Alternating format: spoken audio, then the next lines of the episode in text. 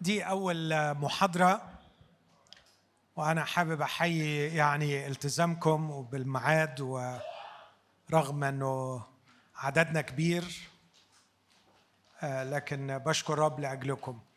آه، عايزكم تصلوا لي وأنتوا قاعدين لأنه في بعض الأجزاء في المحاضرة دي مش سهلة قوي بس هم حاجة ولا حاجتين لكن إن شاء الله يعني الباقي هيكون سهل. آه بس أحتاج منكم فعلا تركيز وأقدر أقول إنه الفكرة خاصة بتكوين كل واحد فينا. it's not just يعني ان إحنا هنتكلم عن الصلاة لكن أعتقد إنه هيبقى فيه كلام مهم عن تكويننا الروحي. أنا هتكلم عن الصلاة بعدسة القصة المسيحية. أنا أحاول أشوف معاكم يعني إيه كشخص مسيحي بصلي؟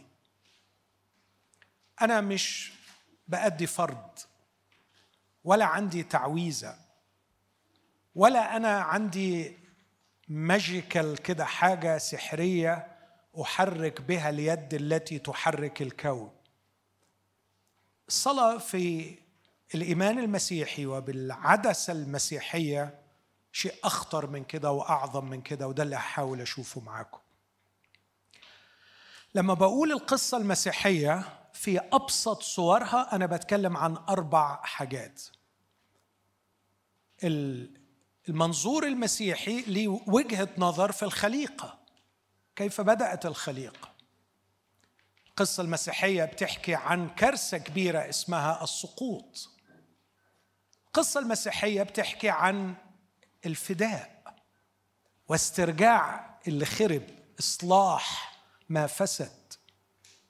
والأمر الرابع والأخير التجديد والخليقة الجديدة. ده أبسط يعني شكل أو إطار للقصة المسيحية. ربنا خلق حدث سقوط ربنا بيفدي وفي النهاية سيجدد كل شيء وقد ابتدأ الخليقة الجديدة من الآن. على المستوى الروحي.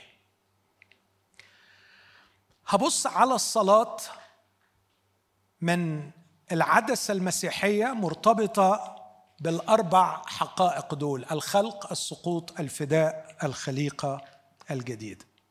الصلاة في القصة المسيحية دي الخلاصة اللي هطلع بيها في الآخر بس هقولها مقدما وهشرح معاكم الكلمات دي. هي تنفس الروح وهي فعل ثائر غاضب متمرد عنيف ضد السقوط وهي نوع كيان وحالة وجود.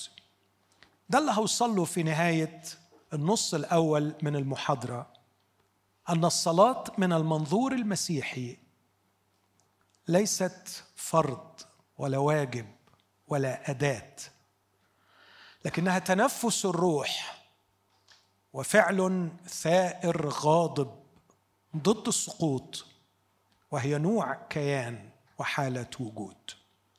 لما بنفكر في الصعوبات التي تواجهنا في الصلاة غالبا بنفكر في ضعف صلواتنا بسبب التشتيت بسبب ضعف الإرادة بسبب انعدام الرغبة أو بسبب إحباطنا في الصلاة لعدم استجابة صلواتنا. أنا في المحاضرة دي مش هناقش أي حاجة من دول مع إنهم مهمين وهيتناقشوا في المحاضرات اللي جاية. لكن أنا من وجهة نظري هناك مشكلة أعمق من كل هذه المشاكل وهو غياب المفهوم الصحيح للصلاة.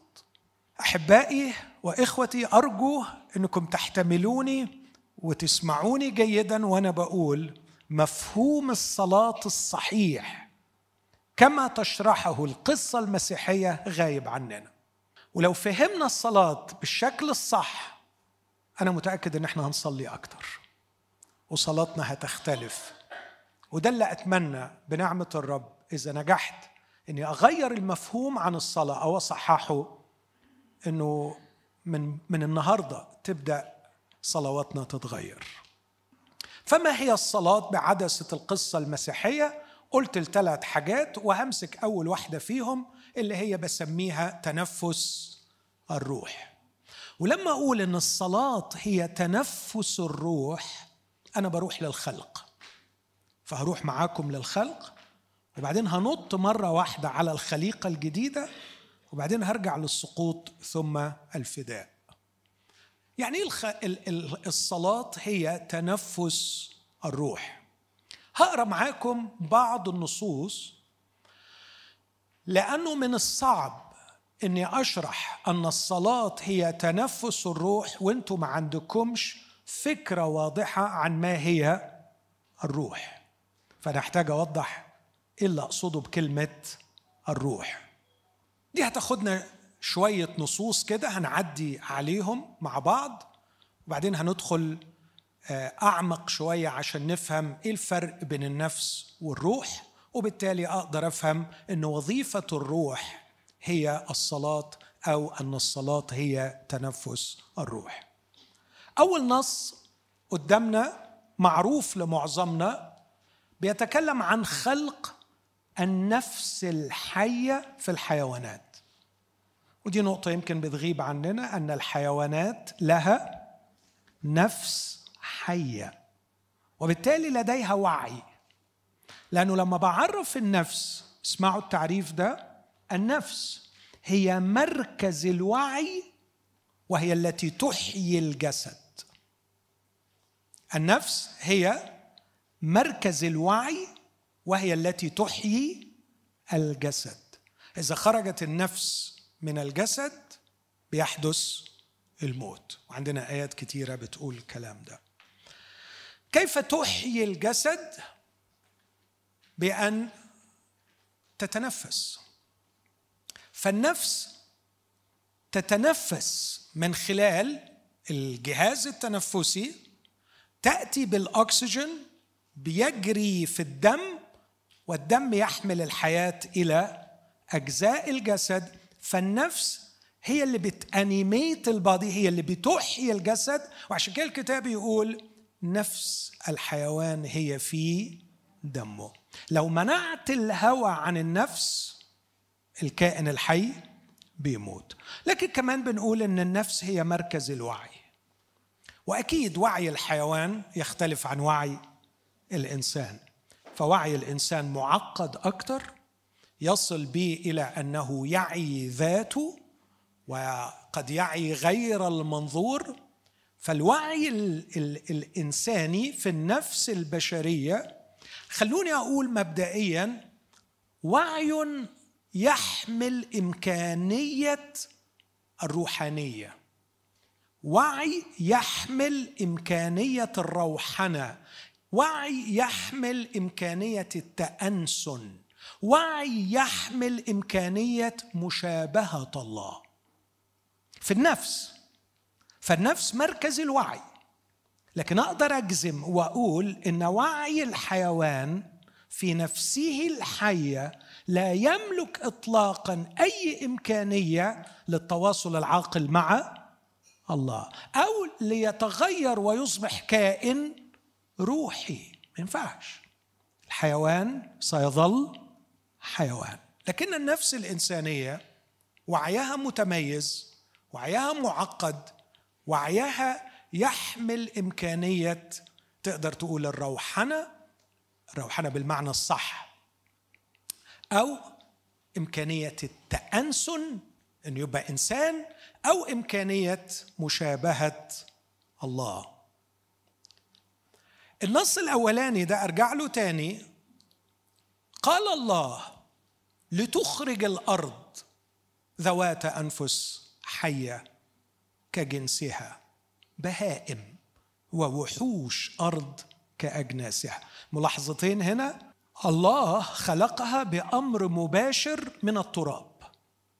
فالأرض أخرجت ذوات أنفس حية بأمر مباشر من الله. ودي نقلة جديدة في قصة الخلق لأنه قبل كده كان آخر خلق شفناه هو النباتات. اللي هي كائنات حية لكن ما فيهاش نفس حية ما فيهاش نفس فيها الوعي بتاع الحيوانات.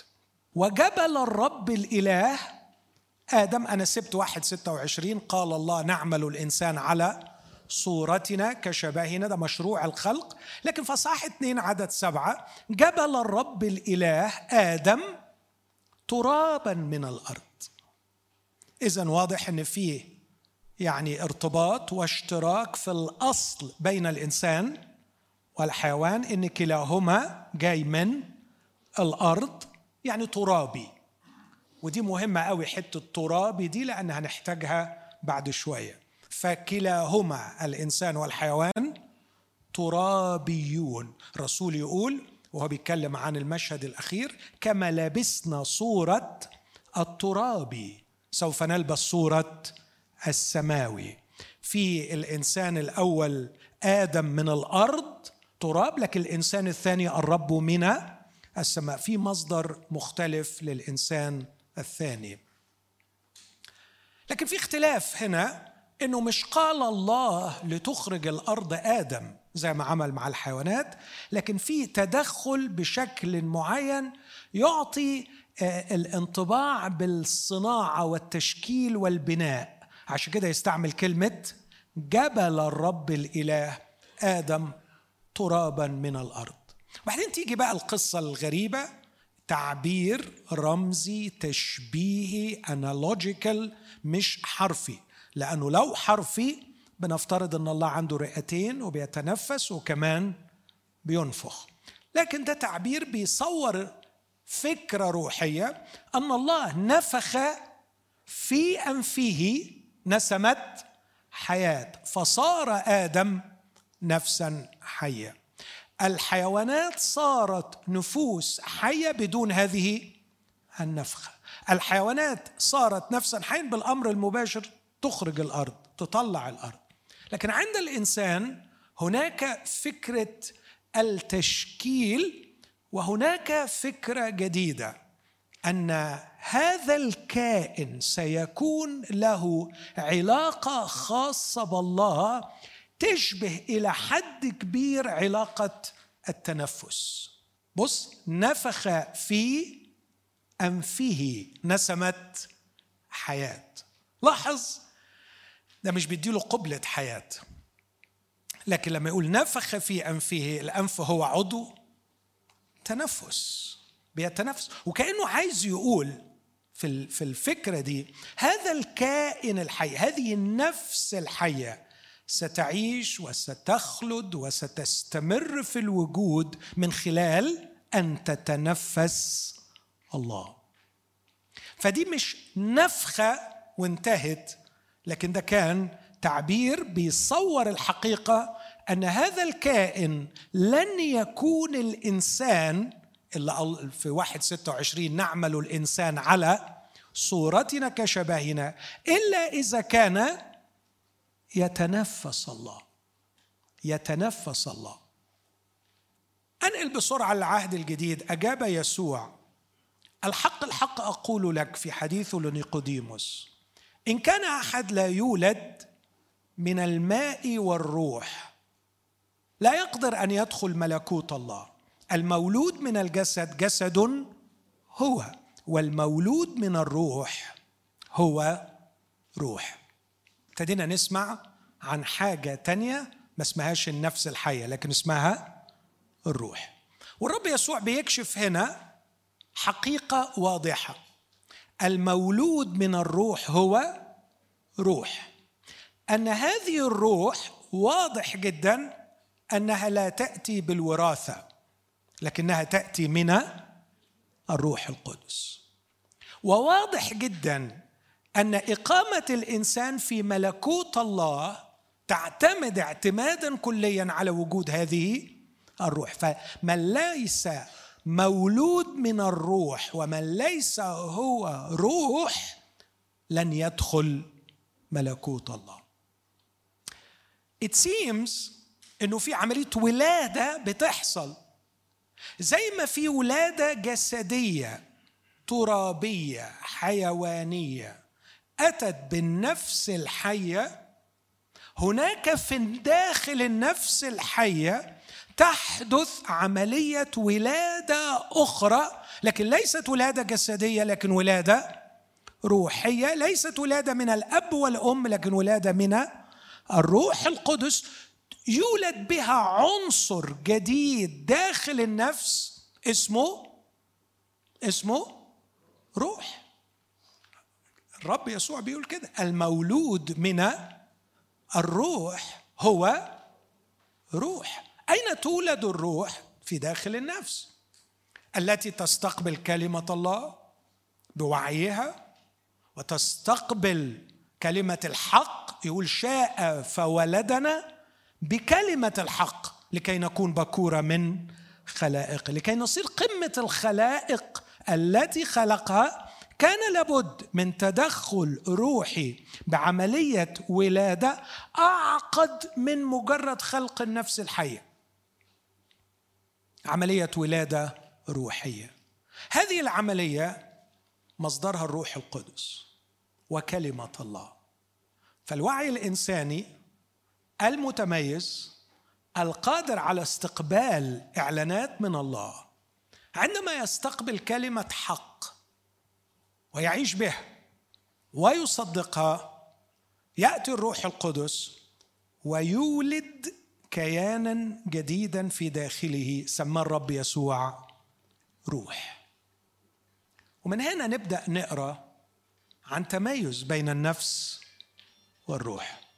نقرأ في تسالونيك الأولى خمسة سبعة عشر ولتحفظ روحكم ونفسكم وجسدكم كاملة عند مجيء بلا لوم عند مجيء ربنا يسوع المسيح.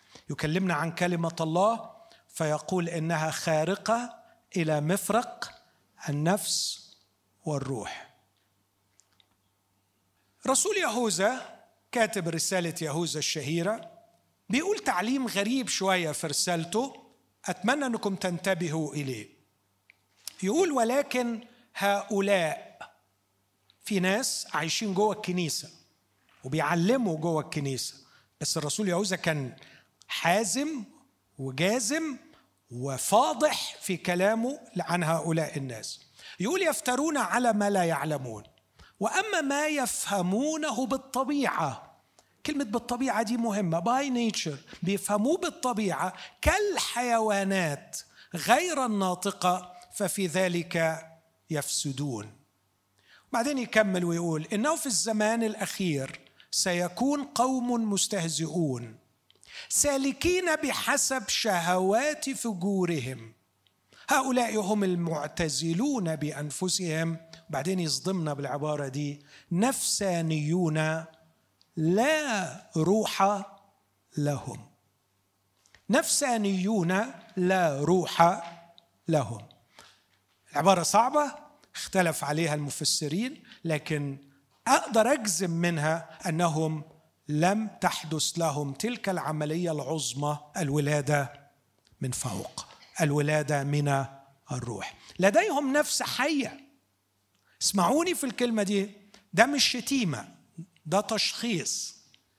نفس حيه تجعلهم كالحيوانات غير الناطقة. يسلكون بحسب غرائزهم بحسب شهواتهم. يسلكون بحسب ما هو بالطبيعة. لم يرتقوا في خلقهم إلى مستوى أرقى أي لم يتروحنوا أي لم يتأنسنوا أي لم يولدوا من الروح ليكون في داخل كل منهم روح تتصل بالله وتعبد الله وتخلد في ملكوت الله.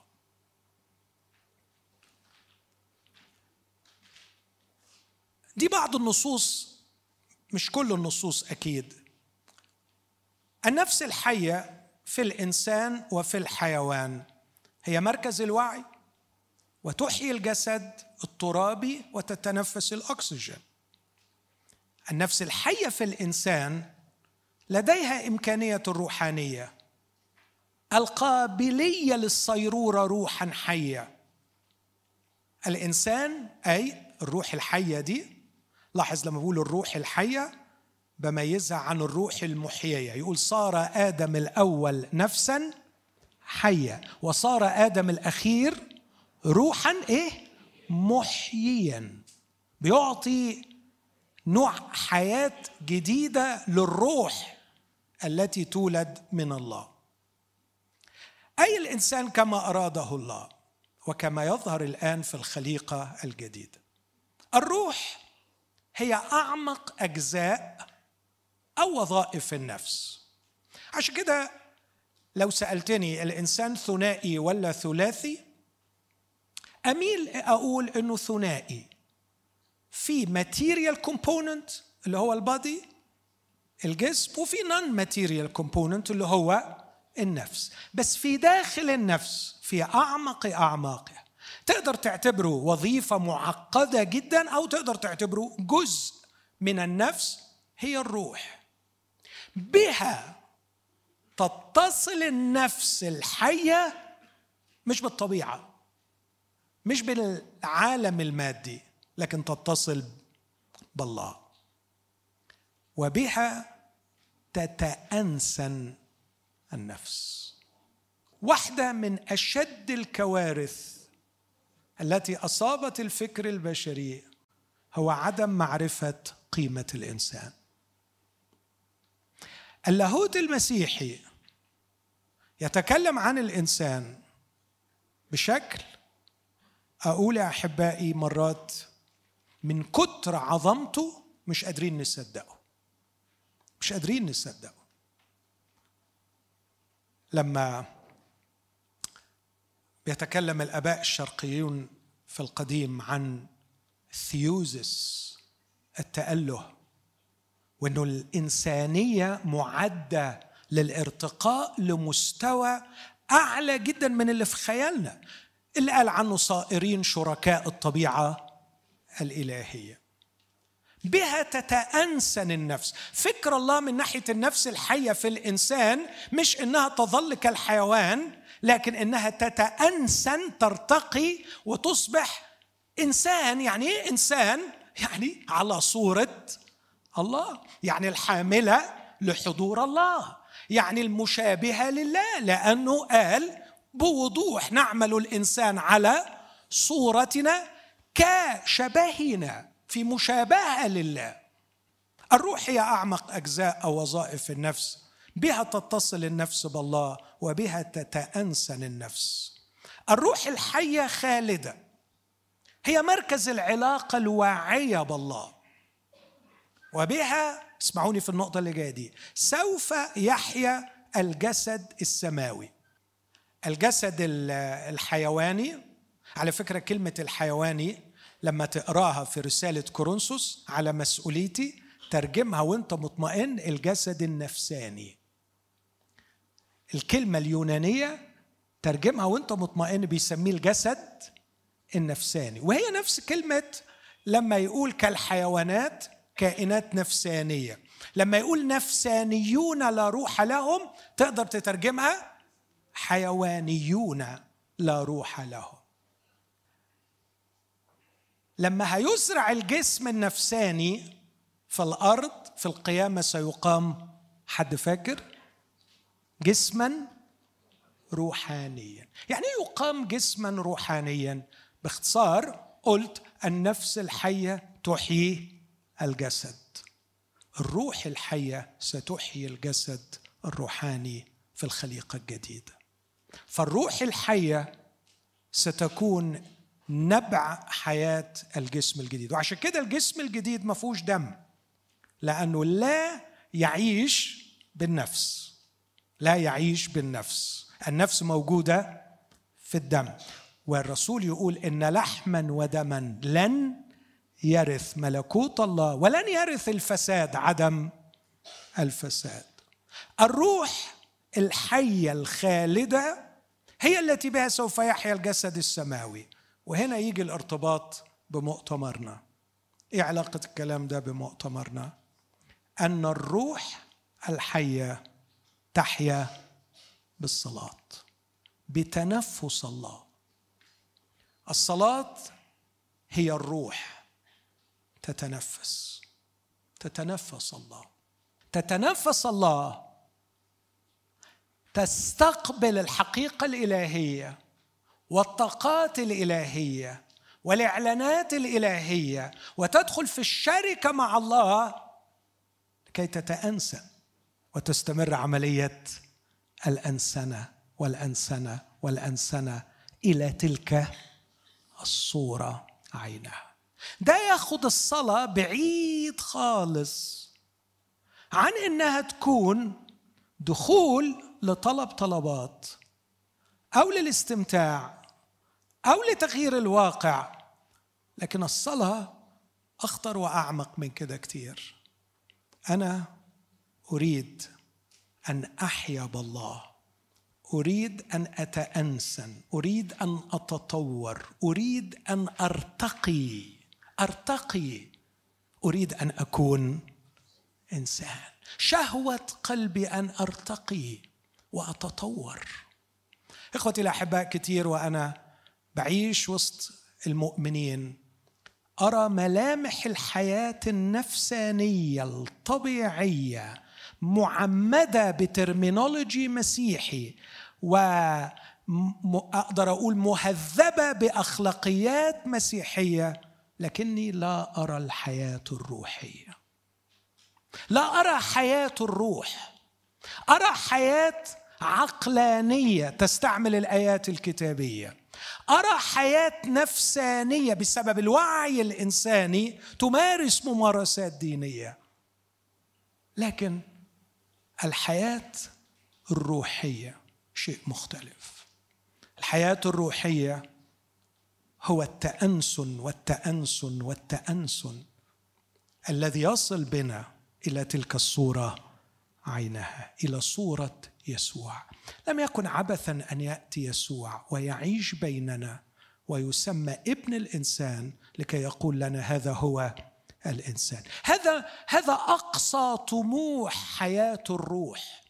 أقصى طموح حياة الروح أن تتنفس الله تتنفس الله وتدخل في علاقة مع الله لكي يتغير الكيان من مجد إلى مجد. لاحظ حلم المؤمنين في التغيير إني أبطل الخطية. مش ده اللي بيتكلم عنه الرسول. التغيير هنا شيء إيجابي من مجد إلى مجد مزيد من الأنسنة مزيد من الأنسنة حتى تصبح شبه يسوع.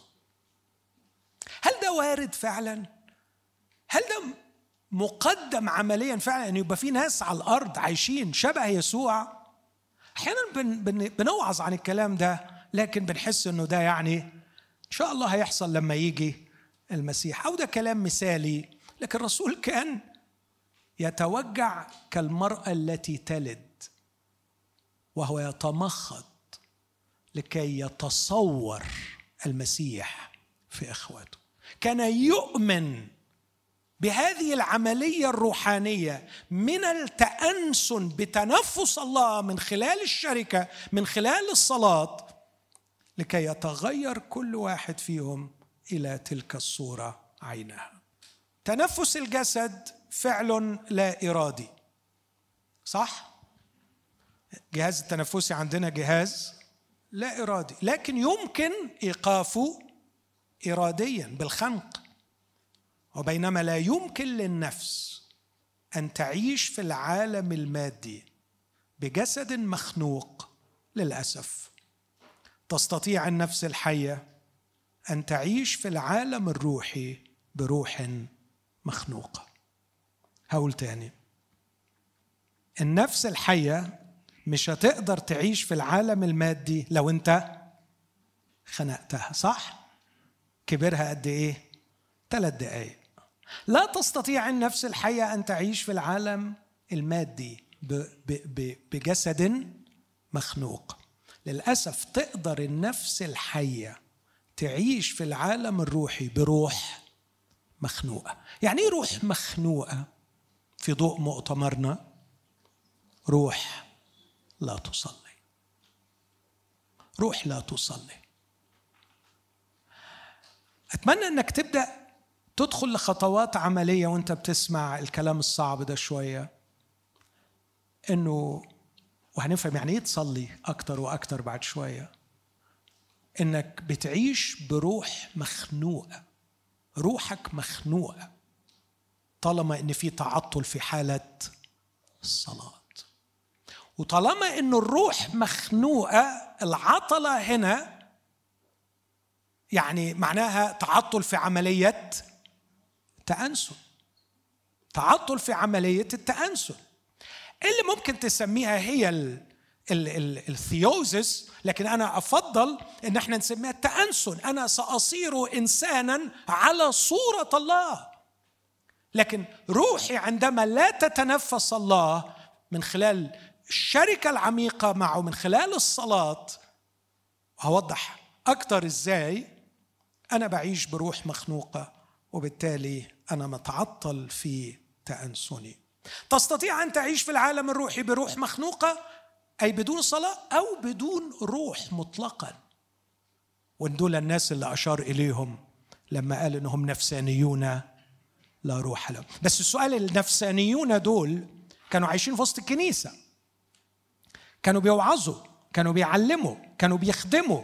بس الرسول بيقول إنهم نفسانيون لا روح. لهم غير متصلين بالعالم الروحي وبالتالي آه لم يتأنسنوا. بحكي دايما الحكاية دي يعني صديقة عزيزة هجرت وبعدين آه تعبت كتير قوي مع أولادها علشان أي كنيسة يتلموا فيها والولاد كده يعني يحبوا ربنا ويحبوا أي كنيسة. تعبت كتير والعيال متمردين ومش عايزين ومش بيعتبوا كنايس بس أخيرا كلمتني مرة وبتقول لي اسكت مش أخيرا أخيرا. جالنا يعني رحنا كنيسة معينة وشافت تايتل آه، معين يعني من الخدام و والبنت فرحت وارتبطت بالكنيسة. فقلت لها طب ممكن بس تسأليها لي؟ الله يخليكي. إيه أكتر حاجة عجبتها في الخادم ده؟ علشان آه، يعني خلتها تلزق في الكنيسة. فراحت سألتها وهي قاعدة قدامها. البنت قالت لها he is a human being. He is human. هو إنسان. أنا لطمت. هل ما ينقصنا في كنائسنا هو الإنسان؟ الإنسان؟ نعم.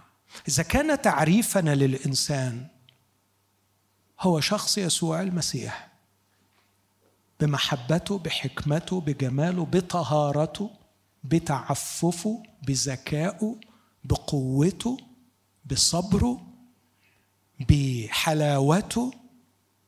أيوه يبقى إحنا بصراحة ناقصنا الإنسان ناقصنا إنسان.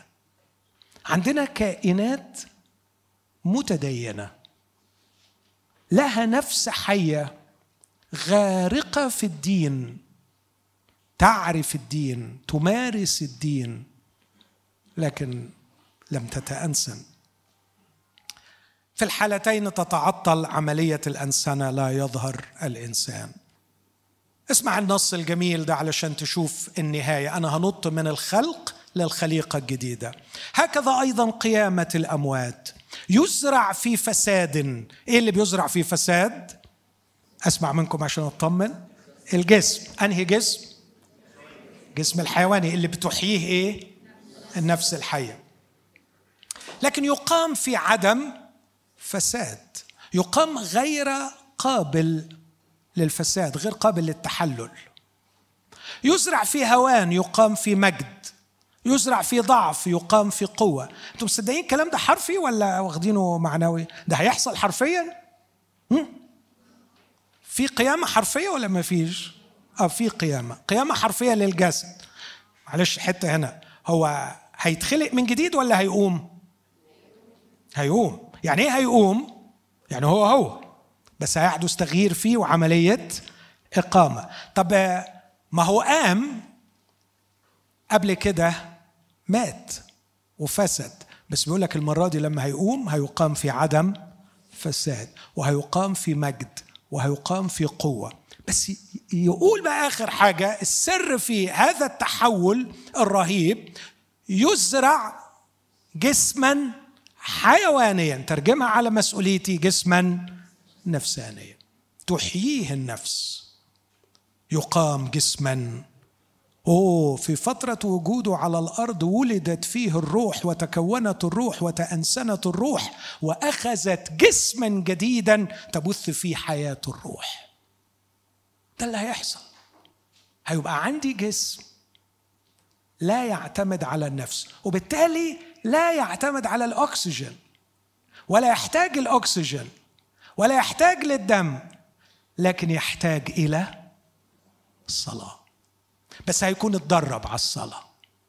أو بلغة أدق تدرب في فترة وجوده في عالم خانق تدرب على تنفس الله. تدرب على أن يحيا بالله تدربت الروح على أن تعيش تستقبل من الله. فعندما تتم القيامة ستكون في عالمها الجديد. تحيي الجسم والجسم سيسمى وسيكون جسم روحاني. هكذا مكتوب أيضا صار آدم الإنسان الأول نفسا حية. آدم الأخير روحا محيا يحيي هذه الأرواح ويوجدها. لكن ليس الروحاني اولا بل الحيواني أو النفساني. وبعد ذلك الروحاني. الإنسان الأول من الأرض يعني زي مين؟ زي الحيوانات من التراب. الإنسان الثاني الرب من السماء. كما هو الترابي هكذا الترابيون أيضا. كما هو السماوي هكذا السماويون أيضا. وكما لبسنا صورة الترابي اللي هو الجسم سنلبس أيضا صورة السماوي. فأقول هذا أيها الإخوة إن لحما ودما لا يقدران أن يرثا ملكوت الله ولا يرث الفساد عدم الفساد. الصلاة هي وسيلة الروح لكي تحيا بالله. الصلاة هي تنفس الله. إذا كان الأكسجين هو حياة النفس فالله هو حياة الروح. وبالتالي ما ينفعش أقول أنا عندي خمس مرات في اليوم أصلي. ما ينفعش أقول أنا عندي سبع مرات في اليوم أصلي. أنا أريد أن أكون إنسانا. أريد أن أحيا روحيا كيسوع. أريد أن أحيا روحيا وأنا أتعامل مع هذا الموقف ومع ذاك الموقف. ولكي أحيا روحيا أستمد حياة روحي من الله بالصلاة. أستمد حياة روحي من الله بالصلاة. مرة حزقية الملك في تجربة مؤلمة اقترب إلى الموت لكن بعدما شفي قال عباره غريبة قوي قال أيها السيد اسمع. بهذه يحيون وبها كل حياة روحي. عجيبة قوي العبارة دي. بهذه بهذه الألام يحيون وبها كل حياة روحي. فتشفيني وتحييني. وكأنه بيقول طول ما كان جسدي سليم كانت نفسي ترتع في هذا الجسد ولم أعبأ بحياة روحي. عندما مرضت وصليت وارتبطت بك دبت الحياة في روحي. فبيقول عن الألام اللي عدى فيها بهذه يحيون. أكيد مش بهذه يحيون بالمرض بتحيا نفسه لكن بيتكلم عن حياة روحه. دبت فيها الحياة. كلمة الله حية وفعالة أمضى من كل سيف ذي حدين خارقة إلى مفرق النفس والروح والمفاصل والمخاخ مميزة أفكار القلب ونياته. الفكرة الأساسية في العبارة دي أن ربنا بيميز كل شيء لدرجة أنه بيقول لك أقرب حاجتين في الجسد ده تشبيه هما المفاصل والمخاخ اللي هو البون مرو اللي جوه دول قريبين قوي من بعض يعني علشان تفصلهم عن بعض أنت محتاج تكسر قوي. الفصل بينهم صعب الفصل ما بين النفس والروح ليس بأمر سهل لكن كلمة الله بتقدر تفصل بين النفس المتدينة وبين الروح. إله السلام نفسه يقدسكم بالتمام تحفظ روحكم ونفسكم وجسدكم كاملة. قريت الآية دي قبل كده. قال له الرب هنا بوري بس إزاي لما بتحدث الولادة. قال له الرب اذهب إلى الزقاق الذي يقال له المستقيم. بيقول لمين هنا؟ حد فاكر؟ حنانية. بيقول له روح علشان يشوف شاول. وهو متوقع اعتراض من حنانية. إيه الاعتراض؟ إنه الراجل شاول ده بلطجي ومجرم وبيموت. بس الرب كأنه بيمهد. بيقول له اطلب رجل ترسوسي اسمه شاول. لأنه هو ذا إيه إيه معنى الكلمة دي؟ هو ذا يصلي في البداية أن الروح قد ولدت. وعندما تولد الروح تحيا بالله لابد أن تصلي. الرسول في كورنثوس 14 بيقول نص جميل قوي إن كنت أصلي بلسان مين اللي بتصلي؟ فروحي تصلي. وأما ذهني فهو بلا ثمر. ذهني أي فهمي وعقلي اللي واعي للي أنا بصليه بروحي لم يثمر للآخرين شيئا. فأنا أصلي روحي تصلي روحي اكتف لكن ذهني فهمي لم يثمر شيئا للآخرين لأني بتكلم بلسان. فالناس ما فهمتش حاجة فما استفادوش حاجة. أنا استفدت لأن روحي تصلي لكن ذهني بلا ثمر. فما هو اذا أصلي مش بالروح هنا بالروح القدس. لكن أصلي بالروح. فالروح هي التي تصلي. وأصلي بالذهن أيضا. أنا أريد أن أصلي بالروح وأصلي بالذهن. أصلي بالذهن يعني أصلي بكلام مفهوم. أصلي بالفهم. أرتل بالروح وأرتل بالذهن. وإلا فإن باركت بالروح فالذي يشغل مكان العامي كيف يقول أمين؟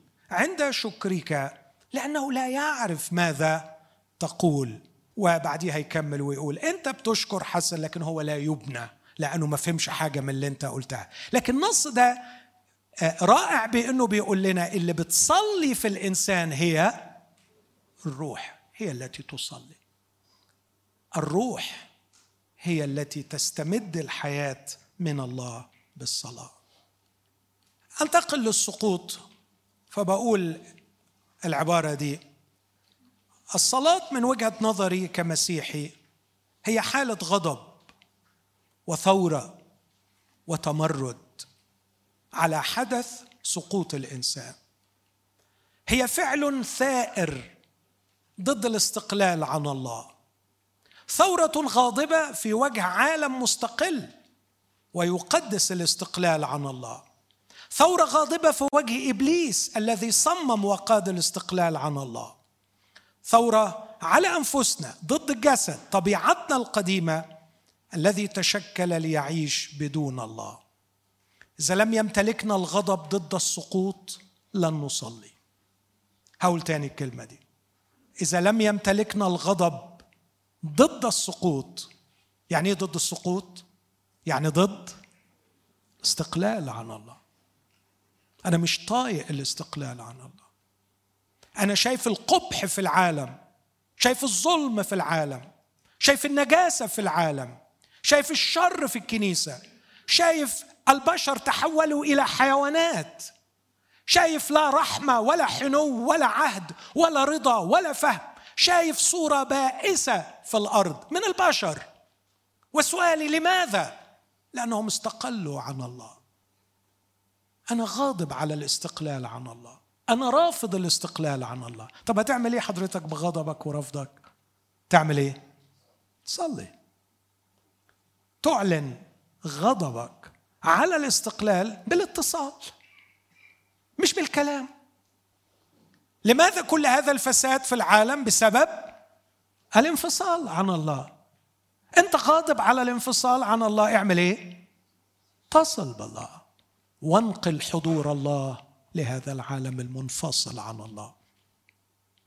اتصل بالله وانقل حضور الله. إذا كنت تؤمن أن حضور الله يشفي فاعلم أنك أنت أداة نقل هذا الحضور من خلال الصلاة. هقول تاني معلش احتملوني وأنا بكرر. إذا كنت غاضب لما يحدث في الأرض ومقتنع مسيحيا إنه ده بسبب الانفصال عن الله. ما تدينيش وعظة عن السقوط.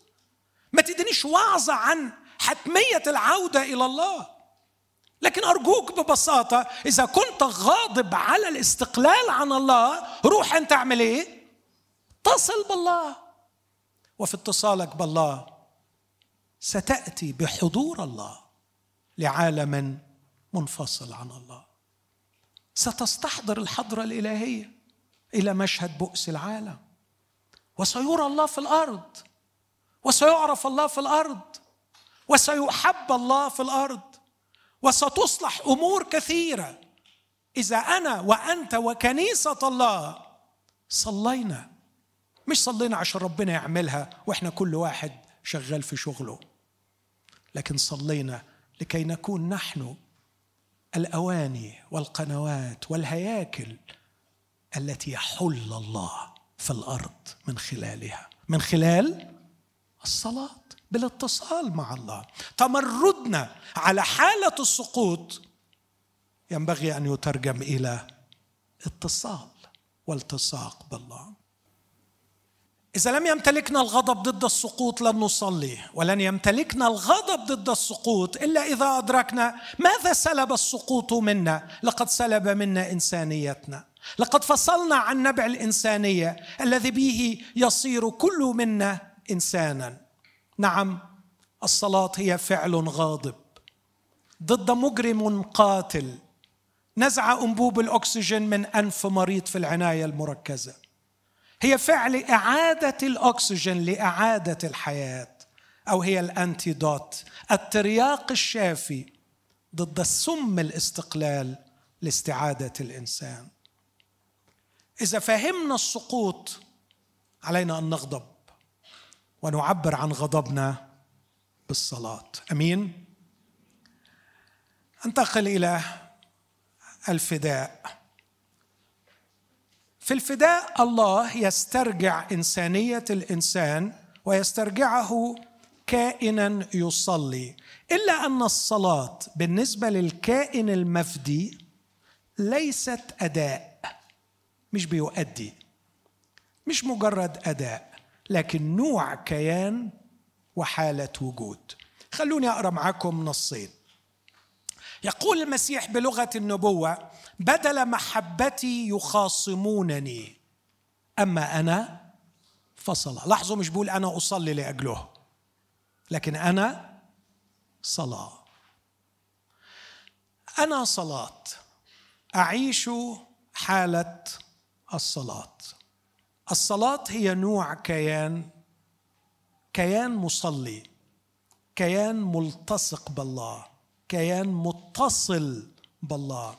ووجود يستحضر وجود الله. وجود يعبر عن وجود الله. إذا فعلت اليد فهناك ستلمس يد الله. وإذا ابتسم الوجه هناك ستلتقي بابتسامة من الله. وإذا ثار الغضب سترى غضب الله. وإذا أعطت اليد سترى عطاء الله. فحالة الوجود المتصل بالله هي فرصة لتأكيد وجود الله في الأرض. واستحضار هذا الوجود في العالم. الوقت اللي جاي هركز على إيليا شوية وهركز على كلمة حي هو الرب الذي أنا واقف أمامه بيقول يعقوب خمسة وهو بيختم الرسالة في عدد 17 و 18 طلبة البار تقتدر كثيرا في فعلها. حلوة الآية دي. بس عارف لما تقطع الآية من القرينة بتاعتها؟ طلبة البار تقتدر كثيرا في فعلها. آه يا سلام. كلنا نفسنا في حتة تقتدر كثيرا في فعلها. بس واضح أن صلواتنا لا تقتدر كثيرا ولا قليلا في فعلها لأنه يبدو أني لست بار. بس هيجي لي واحد يقول لي لا خلي بالك متبررين مجانا فأنا بار. أقول له طب حل لي المشكلة. كيف تكون بار وفي نفس الوقت طلبتك لا تقتدر كثيرا ولا قليلا في فعلها؟ لابد أن نفهم النص في قريناته. بيقول كان إلي إنسانا تحت الألام مثلنا.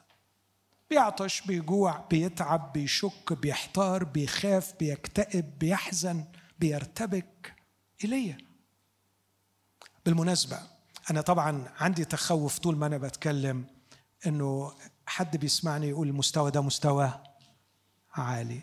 إخوتي الأحباء إذا ما طردناش الفكرة الشريرة دي من دماغنا دي فكرة شريره لا أمل في أي تقدم روحي. على فكرة أنا عارف إن إحنا مليانين بالنقائص لكن القصة المسيحية بتقول إن الله أعد كل العدة لروحانتنا وانسنتنا على الرغم من ضعفنا وشرنا. على فكرة الدعوة اللي أنا بقدمها الليلة مش بقدمها للمتميزين منكم وللمجاهدين الأجلاء منكم. بقدمها لإنسان تحت الألم. نحن مدعوين للدخول إلى محضر الله والوقوف أمام الرب. نحن مدعوين للإقامة أمام الله. لكي نتأنسن. لكي نصبح كائنات روحية تستحضر حضور الله لعالم مأزوم. كان إلي إنسان تحت الألام مثلنا. اسمع بقى العبارة دي. وصلى صلاة. الترجمة هنا غير دقيقة للأسف. ألا تمطر. فلم تمطر. على الأرض ثلاث سنين وستة أشهر. ثم صلى أيضا فأعطت السماء مطرا وأخرجت الأرض ثمرها. يعني لما بنسمع الكلام ده بنحس إن ايليا ده راجل عملاق معدي كده في الشارع طلعت في دماغه قال لك هقفلها. فراح صلى صلاة وعمل إيه؟ وقفلها. وبعدين نفسه هفته بقى خلاص تعبت الناس. فراح قال لك إيه بقى؟ خلاص نفتحها. فراح فتحها. ده ده ده, ده جامد قوي إيليا. لما تقرأ حكاية إيليا على فكرة تقرا راجل غلبان وبيخاف وبيرتبك. وفي يوم من الأيام مضى من أجل نفسه وكان عنده سوسايدال ثوتس كان نفسه ربنا ياخده. ليه كان مضغوط ومسحوق. كان إنسانا تحت الالام مثله. أمال ليه بقى حكاية صلى صلاة ألا تمطر هنفهم مع بعض إنه مش عنترية وراح يعني قرر يقفل السماء فراح قفلها. لو عايز تترجم حرفيا ودي تعبت فيها جدا حرفيا تترجمها والصلاة صلى. حاطط نون وبعدين حاطط فعل. وللتسهيل رغم إنه ما يديش المعنى الكامل أقول إنه عايز يقول وهو في حالة الصلاة صلى. وهو يعيش حالة المصلي صلى. أحبائي طلبته اقتدرت كثيرا في فعلها ليس لأنه صلى لكن لأنه صلى وهو يعيش الصلاة. فالصلاة عيشه وليست فعل. طلبته اقتدرت كثيرا في فعلها لأنه كان قد وصل إلى حالة من الوجود تجعله عندما يصلي يقتدر. إحنا عايزين الحتة الأخيرة دي نصلي فنقتدر بس مش عايزين الأولانية. طب إزاي وصل للأولانية؟ أنا بلخص لكن أوصل. كيف أصير في هذه الحالة حالة الصلاة. من خلال الكلمة الشهيرة اللي اتقالت عن إيليا مرتين واتقالت عن تلميذه. مين تلميذه؟ إليشع مرتين. حي هو الرب الذي أنا واقف أمامه. أتمنى من قلبي إن إحنا نرجع نقرأ حياة إيليا وتقدر تشوف معايا المفهوم اللي هشرحه على قد ما أقدر باختصار. أدي النص بتاعنا. كما ذكر في يعقوب ويعقوب فاهم هو بيقول إيه. وآدي النص كما جاء في ملوك الأول 17 بص كده. وقال ايليا التشبي من مستوطني جلعاد لأخاب. حي هو الرب اله إسرائيل الذي وقفت أمامه أو الجايه في العبري في المضارع الذي أنا واقف أمامه. إنه لا يكون طل ولا مطر في هذه السنين إلا عند قولي. أكثر حاجة بتثير استغرابي في هذا النص أنه لم ترد فيه كلمة صلاه بس يعقوب لما بيعلق عليها بيقول صلى صلاة ألا تمطر. يا ترى يعقوب غلطان؟ بص النص بيقول إيه؟ قال إلي. آه, آه ما هو قال قال للرب. لا ما قالش للرب. هو قال لأخاب وقبل كده على فكرة ما نقراش أي حاجة عن إيليا ده أول ما طلع لنا طلع لنا بيقول أنا واقف قدامه وبقول السماء تقفل.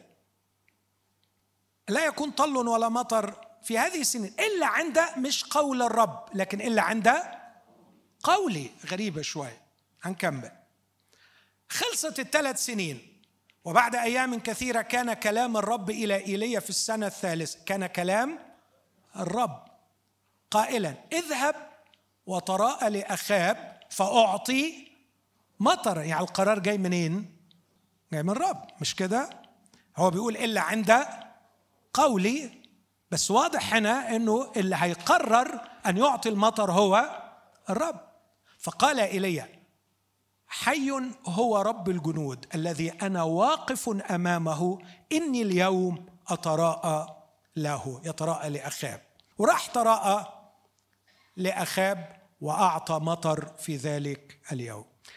ابتدت توضح الفكرة هوضحها أكثر قال لها ايليا الأرملة المرأة الأرملة أرملة صرفة صيدا لا تخافي ادخلي واعملي كقولك ولكن اعملي لي منها كعكة صغيرة اولا واخرجي بها إلي. ثم اعملي لك ولابنك أخيرا. لأنه هكذا أه قال الرب إله إسرائيل قال الرب إله إسرائيل إن كوار الدقيق لا يفرغ وكوز الزيت لا ينقص. إلى اليوم الذي فيه يعطي الرب مطرا على وجه الأرض. فذهبت وفعلت حسب قول الرب. حسب قول إيليا وأكلت هي وهو وبيتها أياما. كوار الدقيق لم يفرغ وكوز الزيت لم ينقص. حسب قول الرب الذي تكلم به عن يد إيليا أتمنى تكون كده وضحت أكثر. الوقوف أمام الرب. هو الدخول لمحضر الرب. والدخول لمحضر الرب. والدخول لمحضر الرب. والإصرار على عدم الاستقلال عن الرب. وإشراك الرب في كل شعور وفكر وعمل. واندماج مع الله في فكره. في حياتي اليومية الطبيعية. حتى يصبح الوقوف أمام الرب هو مقر الداء. هو مكاني. اللي أقدر أقول عنه حي هو الرب الذي أنا واقف أمامه. عندئذ يا أحبائي أسمع كلام الرب ويتكشف لي رأي الرب. وعندما أنطق في العلن وأتكلم في العلن ما أنا إلا مردد لما أراه في الداخل. بقول ايليا هو قول الرب ورؤية الرب هي رؤية ايليا عندئذ نحدث التغيير في الواقع. عندئذ تقتدر كثيرا في فعلها. هنا في حتة صغيرة طب لما أنت ناوي تقفلها ما تقفلها لوحدك أنت مش ناقصك ايليا افتكروا اللي قلته في المحاضرة في المقدمة. الله في المسيحية يرغب في الشراكة. ما يحبش يعمل بالاستقلال عن البشر. أعطانا خدمة المصالحة. أعطانا أن نكون هيكله الفاعل والنشط والمؤثر. حالة الوقوف أمام الرب هي التي مزجت بين الروح وبين خالقها حتى صارت أقوال الرب أقوالها وتفكير الرب تفكيرها. ورغبات الرب رغباتها. دالاس ويلرد يوصف الحالة دي أحبائي بكلمة مرعبة. يقول شو ربنا to empower you علشان تعمل اللي أنت عايزه.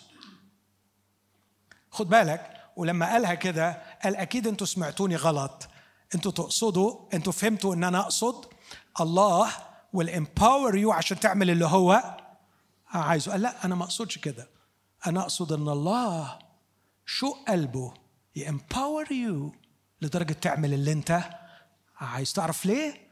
لأنه اللي أنت عايزه وصل إلى مرحلة من الاندماج مع الله باللي الله عايزه. وبعدين قال دالاس ويلارد تعبير جميل. قال بص على اللي جنبك اللي أنت قاعد معاه في الاجتماع دلوقتي وحاول تتخيل إن الله هي امباور هيم عشان يعمل اللي نفسه فيه. مش خايفين؟ طيب أدخل أكتر شوية.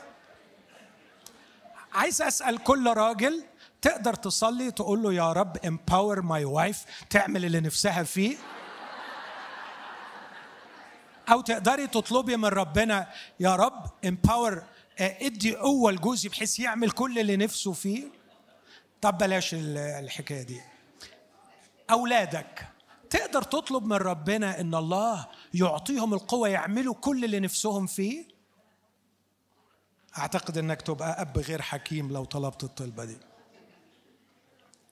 I think إنه أعتقد إنه سي اس لويس مرة قال إنه شوق ربنا إن نفضل طول عمرنا ندخل وندخل ونقول له لتكن مشيئتك حتى يقول لنا لتكن مشيئتكم. كيف ندخل إلى محضر الله؟ فإذ لنا أيها الإخوة ثقه بالدخول إلى الأقداس بدم يسوع طريقا كرسوا لنا حديثا حيا. يمكن اعلق على الآيات دي بعدين في محاضرة الأخيرة. ما هو الوقوف أمام الله؟ هو تركيز الوعي عليه والعيشه دائما أمامه. لملم وعيك المسروق. لملم وعيك المشتت. استرجع وعيك من ناهبيه. اللصوص اليوم ليسوا لصوص الأموال لصوص الوعي. وسرقة وعيك تخسرك إنسانيتك. طول ما وعيك مسروق بالقدر اللي بيتسرق بيه وعيك بتتعطل أنسنتك. قلت من فترة كم أشعر بالغضب تجاه آكلي عقول البشر. آكلي عقول البشر. اللي بيلتهموا وعي الناس يا إلهي على كم الأشياء اللي إبليس مخططها علشان distraction distraction distraction الوقوف أمام الله إنك تتدرب على تركيز الوعي عليه. والعيشه دائما أمامه. اسمع النص ده. أبارك الرب الذي نصح. على فكرة المزمور ده أنا بسميه مزمور الإنسان لأنه ده المزمور اللي بيتنبأ عن يسوع كإنسان. ده مزمور الإنسان. يبدأ احفظني يا الله لأني عليك ده المصلي. لن تدع تقيك يرى فسادا. في النص يقول أبارك الرب الذي نصحني. أيضا بالليل تنذرني كليتي الكونشس وال subconscious الوعي واللاوعي الاثنين مشغولين بالله. الاثنين مشغولين بالله. كتير بحكي قصة صديقي العزيز. اللي أشرت إلى قصته في مقدمة كتاب عملته. دكتور نبيل صمويل. كان يعاني من ال cancer تسع سنوات وكانت أروع دروس تعلمتها عن الله. هي في تلك الليالي المظلمة المؤلمة معه في العناية المركزة. وأنا بقف معاه وبسمعه وبكلمه. مرات ما كانش يقدر يتكلم كان يكتب لي. حوارات طويلة. مرات كان بيبقى غاضب مرات كان بيبقى متعزي. تعلمت الكثير وكتبت بسببه كتاب حوار مع صديقي المكسور. في يوم من الأيام نبيل دخل في سيمي كوما وكانت مراته منزعجة بشدة وأنا كنت موجود. بعدين مسك قلم ومسك المخدة وعايز يشخبط على المخدة فطلعت تجري تاخد منه القلم. قلت لها سيبيه سيبيه. أقول الصدق وهي محتفظة بكيس المخدة ده لغاية دلوقتي. كتب على كيس المخدة يكون للذليل رجاء وتسد الخطية فاها هذا ما فاض به لا وعي نبيل في لحظات السميكوما عندما يتنقى الكيان وتمتزج النفس بحضرة الله أبارك الرب الذي نصحني في النهار أيضا بالليل حتى في الليل الوعي شغال اللاوعي شغال على كلام الله وأفكار الله. في حضرة الله. ليه وصلت كده؟ اسمع النص. جعلت الرب أمامي في كل حين لأنه عن يميني فلا أتزعزع. جعلته أمامي. تركيز الوعي عليه والعيشه دائما أمامه. هو حمل حضوره في العالم وخدمته ومباركة الناس به. بص النص ده. في ذلك الوقت تسنية عشرة أفرز الرب سبط لاوي. أفرزهم عشان إيه؟ ليحملوا تابوت عهد الرب. ولكي يقفوا أمام الرب ليخدموه. وإيه الكلمة اللي بعديها؟ ويباركوا باسمه إلى هذا اليوم. قد إيه جميلة العبارة دي؟ يعني إيه تقف أمام الرب؟ يعني تحمل حضور الرب وتخدم الرب بأن تبارك الناس. العالم وحش. صح. طب وبعدين هنعمل إيه؟ هنعمل إيه في العالم الوحش؟ نجيب ناس حلوة تعمل حاجة حلوة في العالم الوحش. العالم مليان لعنة صح. محتاجين ناس تعمل إيه؟ تبارك. طب واللي يباركوا دول نجيبهم منين؟ يقفوا أمامه. يقفوا أمامه يحملوا حضوره. يباركوا باسمه يباركوا الناس باسمه. هذا هو شوق الرب إلى من خلال الوقوف أمامه. أنا بجاوب على السؤال كيف أتحول إلى كيان مصلي يصلي فيقتدر؟ كيف أصبح صلاة تطلب الصحيح وتحقق وتغير في الواقع أشياء كثيرة؟ وإيه مكافئته اللي بيعمل كده؟ بص بيقول لأجل ذلك لم يكن للاوي قسم ولا نصيب مع إخوته بس الرب هو جميلة العبارة دي الرب هو نصيبه. الرب هو نصيبه. يدخل يدخل يدخل وكل ما يدخل يمتلك الرب أكثر فالرب هو نصيبه.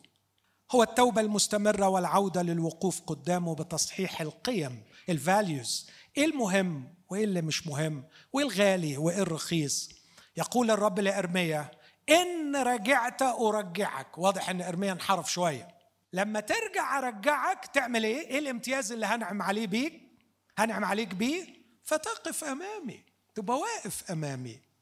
وإذا أخرجت الثمين من المرذول فمثل فمي تكون. هم يرجعون إليك وأنت لا ترجع إليهم. أتمنى أن تكون اوريدي أو يكون الروح القدس أنشأ رغبة في قلب بعض أخواتي وأخواتي إني أقف أمام الرب. آمين؟ إني أدخل وأقف أمام الرب. على فكرة هتكسب كتير قوي. هتوقف نزيف الأيام وأيامك والكاونت هتبقى بتعد لصالحك لأن كل يوم هيعدي عليك. هتتأنسن وهتبارك. هتتأنسن أكتر وتبارك الناس أكتر. فبتحلو أكتر تبقى شبه يسوع وتبارك الناس أكتر. الكيان المصلي في صورته المطلقة كان في يسوع. اقرا النص ده ثم كلمهم يسوع أنا هو نور العالم. على فكرة هو قال عننا إن إحنا برضو لما نبقى واقفين قدامه. من يتبعني فلا يمشي في الظلمة بل يكون له نور الحياة. فالنور لا ينبثق من الكونسبتس النور لا يأتي من العقائد لكن النور يأتي من الحياة. فيه كانت الحياة والحياة كانت النور لا يأتي من العقائد النور لا يأتي من المفاهيم النور يأتي من الحياة حياة الروح الواقفة أمام الله. قال له الفريسون أنت تشهد لنفسك شهادتك ليست حق؟ أجاب يسوع وقال وإن كنت أشهد لنفسي فشهادتي حق لأني أعلم من أين أتيت وإلى أين أذهب. وأنتم أما أنتم فلا تعلمون. بص الكلام الأخير يقول لأني لست وحدي بل أنا والآب الذي إحنا واقفين مع بعض. أنا لما بتكلم ما بتكلمش من دماغي. لي أشياء كثيرة أتكلم وأحكم بها من نحوكم لكن الذي أرسلني هو حق وأنا ما سمعته منه فهذا أقوله للعالم. ولست أفعل شيئا من نفسي بل أتكلم بهذا كما علمني. أبي تحسوا ان ايليا واقف مش كده؟ أهو ايليا اللي شاف ربنا عايز يقفلها فطلع قال اقفلها. ايليا اللي شاف ربنا عايز يمطر فطلع قال تمطر. أهو يسوع نفسه هنا بيقول يا جماعة أنا ما بقولش حاجة من نفسي. لكن كما علمني أبي أبي بيقول لي وأنا اللي بشوفه بعمله. ولم يتركني الآب وحدي لأني في كل حين أفعل ما يرضيه أنا أتكلم بما رأيت عند أبي. هقرا العبارة دي وأختم علشان الوقت. كيف يكون الشعور صلاة؟ والفكر صلاة؟ والفعل صلاة؟ أنا طول اليوم بشعر وبفكر وبفعل صح؟ صح؟ طول اليوم بشعر بفكر بعمل. وياما بشوف إخواتي بيشعروا بعيد عنه وبيفكروا بعيد عنه وبيعملوا بعيد عنه في الخدمة.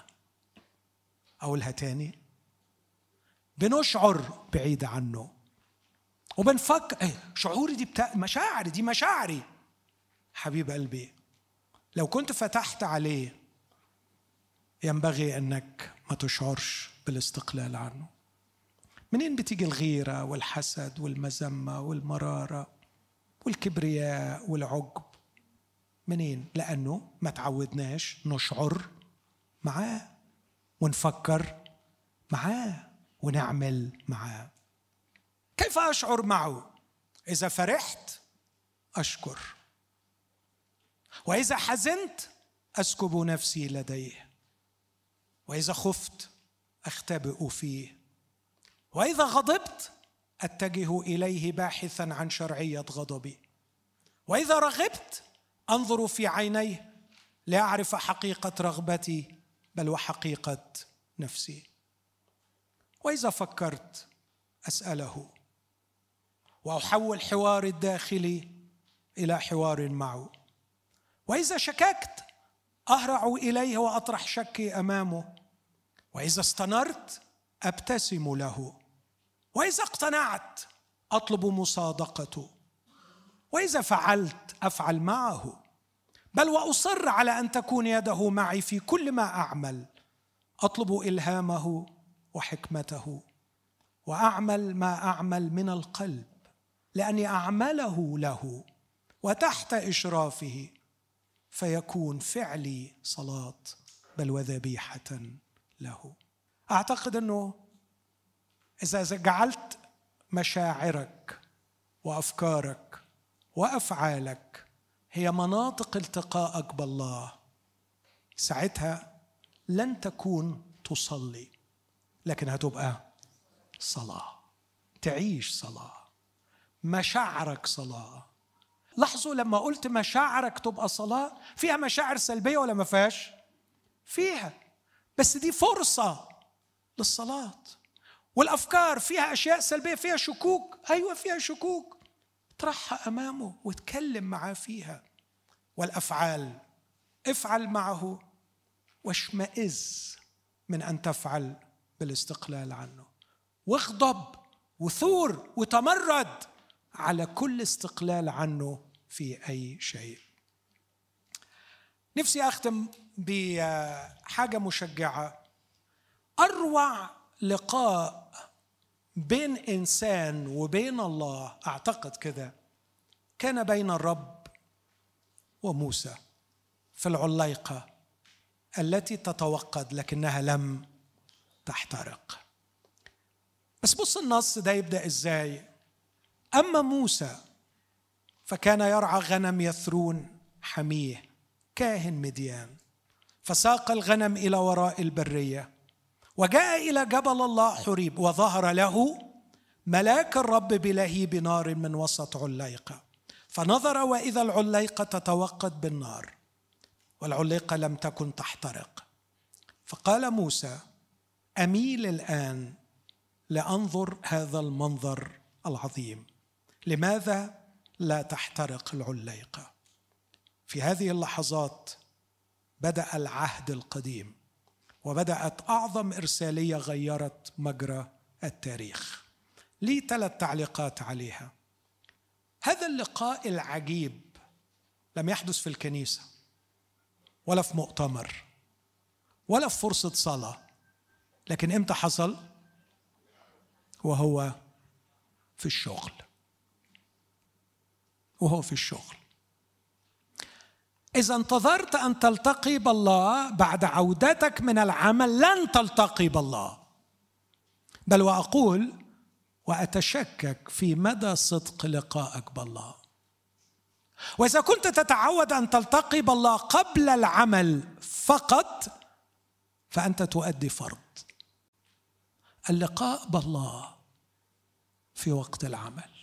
أعظم لقاء بين موسى والرب كان وهو يرعى غنم أبي حميه الأمر الثاني كان اتنتف لما يحدث إخوتي الأحباء نفسي أقول لكم إن الرب حاضر وبقوة حولكم لكن ثقل الحواس الروحية وتبلدها يخلق حواجز بيننا وبينه فيمنعنا من الإحساس بحضوره. نفسي أقول لكل واحد وواحده على فكرة هو امبارح اتكلم كتير بس أنت ما سمعتش. هو امبارح أظهر الكثير لكن أنت ما شفتش.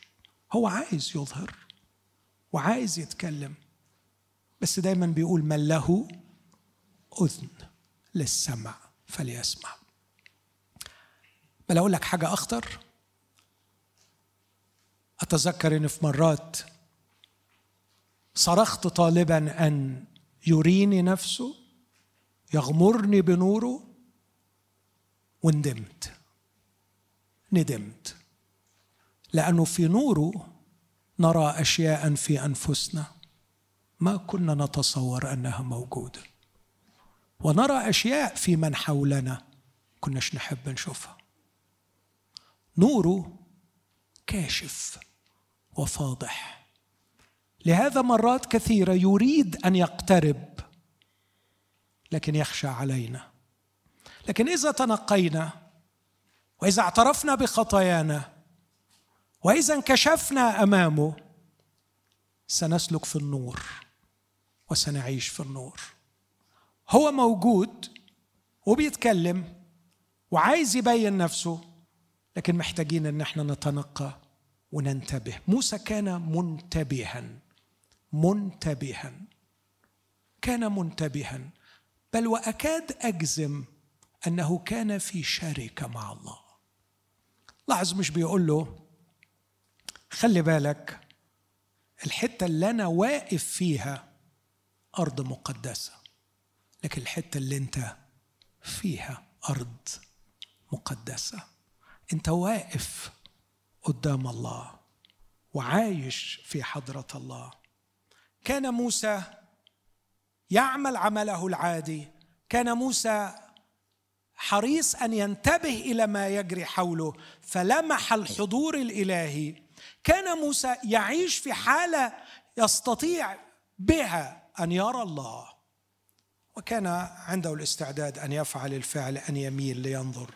فناداه الله. اخلع حذاءك من رجلك لأن الموضع الذي أنت واقف عليه أرض مقدسة.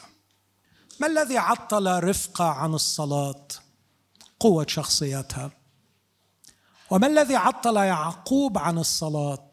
ذكاؤه وما الذي عطل حزقية عن الصلاة؟ إمكانياته المالية. ودي مجرد عينات تعطل الثورة ضد الاستقلال. رفقة قعدت عشرين سنة عاقر. في أيام كان العقم فيها عار.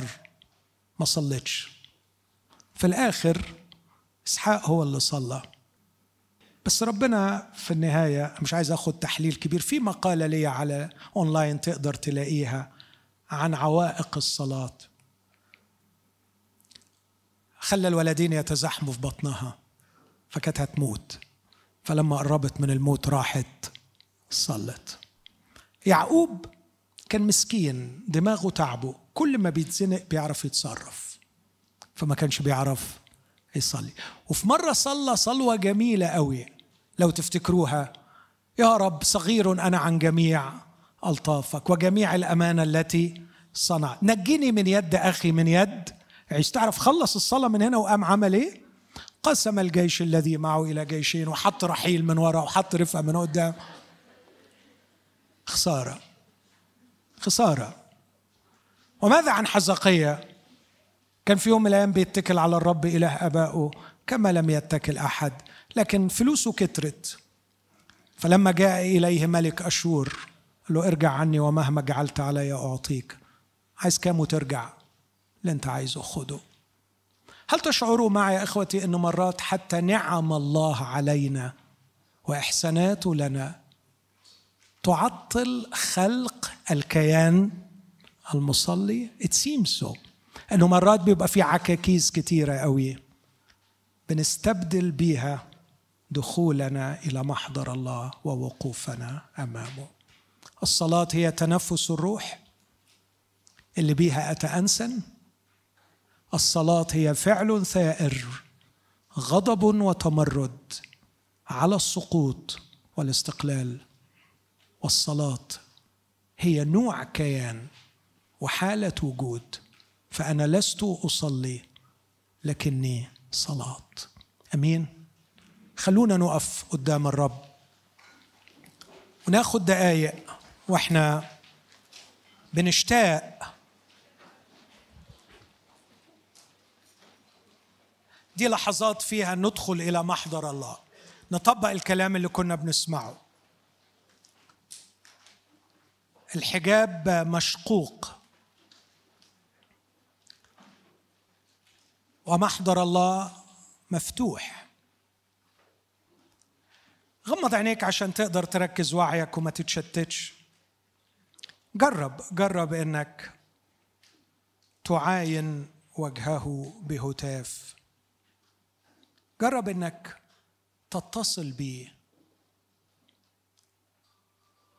ليبث فيك حياته في روحك.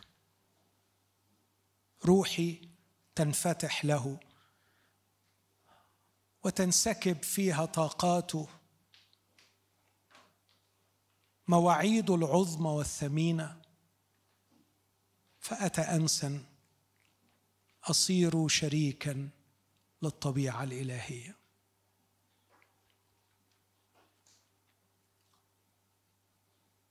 يحل المسيح بالإيمان في القلب. صمم صممي أن لا تستمر حياتك فيما بعد بالمستوى الركيك من الصلاة.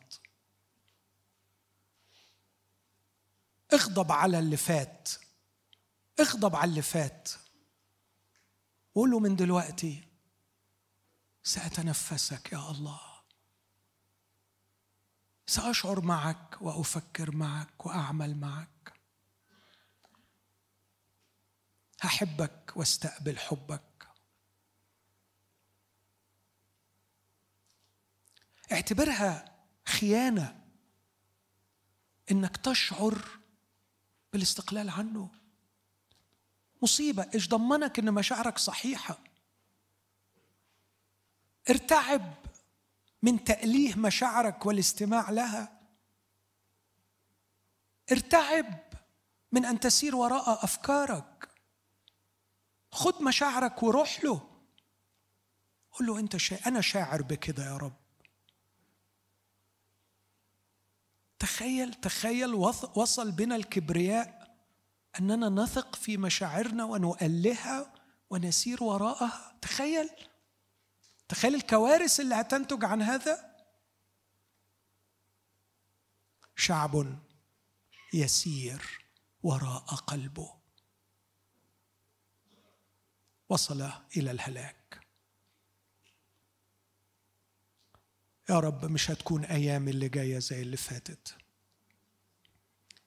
عايز كل يوم يعد. عايز اتغير عايز أبقى إنسان زي يسوع. أنت ولدتني ولادة جديدة لكي أصبح إنسان. عايز أكون زي بني لاوي أنت نصيبهم. يحملوا حضورك ويباركوا باسمك. عايز يبقى وجودي بين الناس بركة للناس. عايز أبقى زي موسى في عز الشغل وفي زحمة الشغل. يلتقي بيك. والأرض في الشغل أرض مقدسة. لأنه هناك يعمل مع الله حتى ولو كانت رعاية غنم. طب والهندسة وال business والدراسة والتدريس والشغل وال finance أي نوع شغل. هو عمل للرب. اذهب إليه وانت واثق إنك تختبر حضور الرب. وستعمل مع الرب. قدس مكان العمل. اعتبروا أرض مقدسة. وقف في أمام الرب كي تحمل حضور الرب وتبارك الناس من حولك.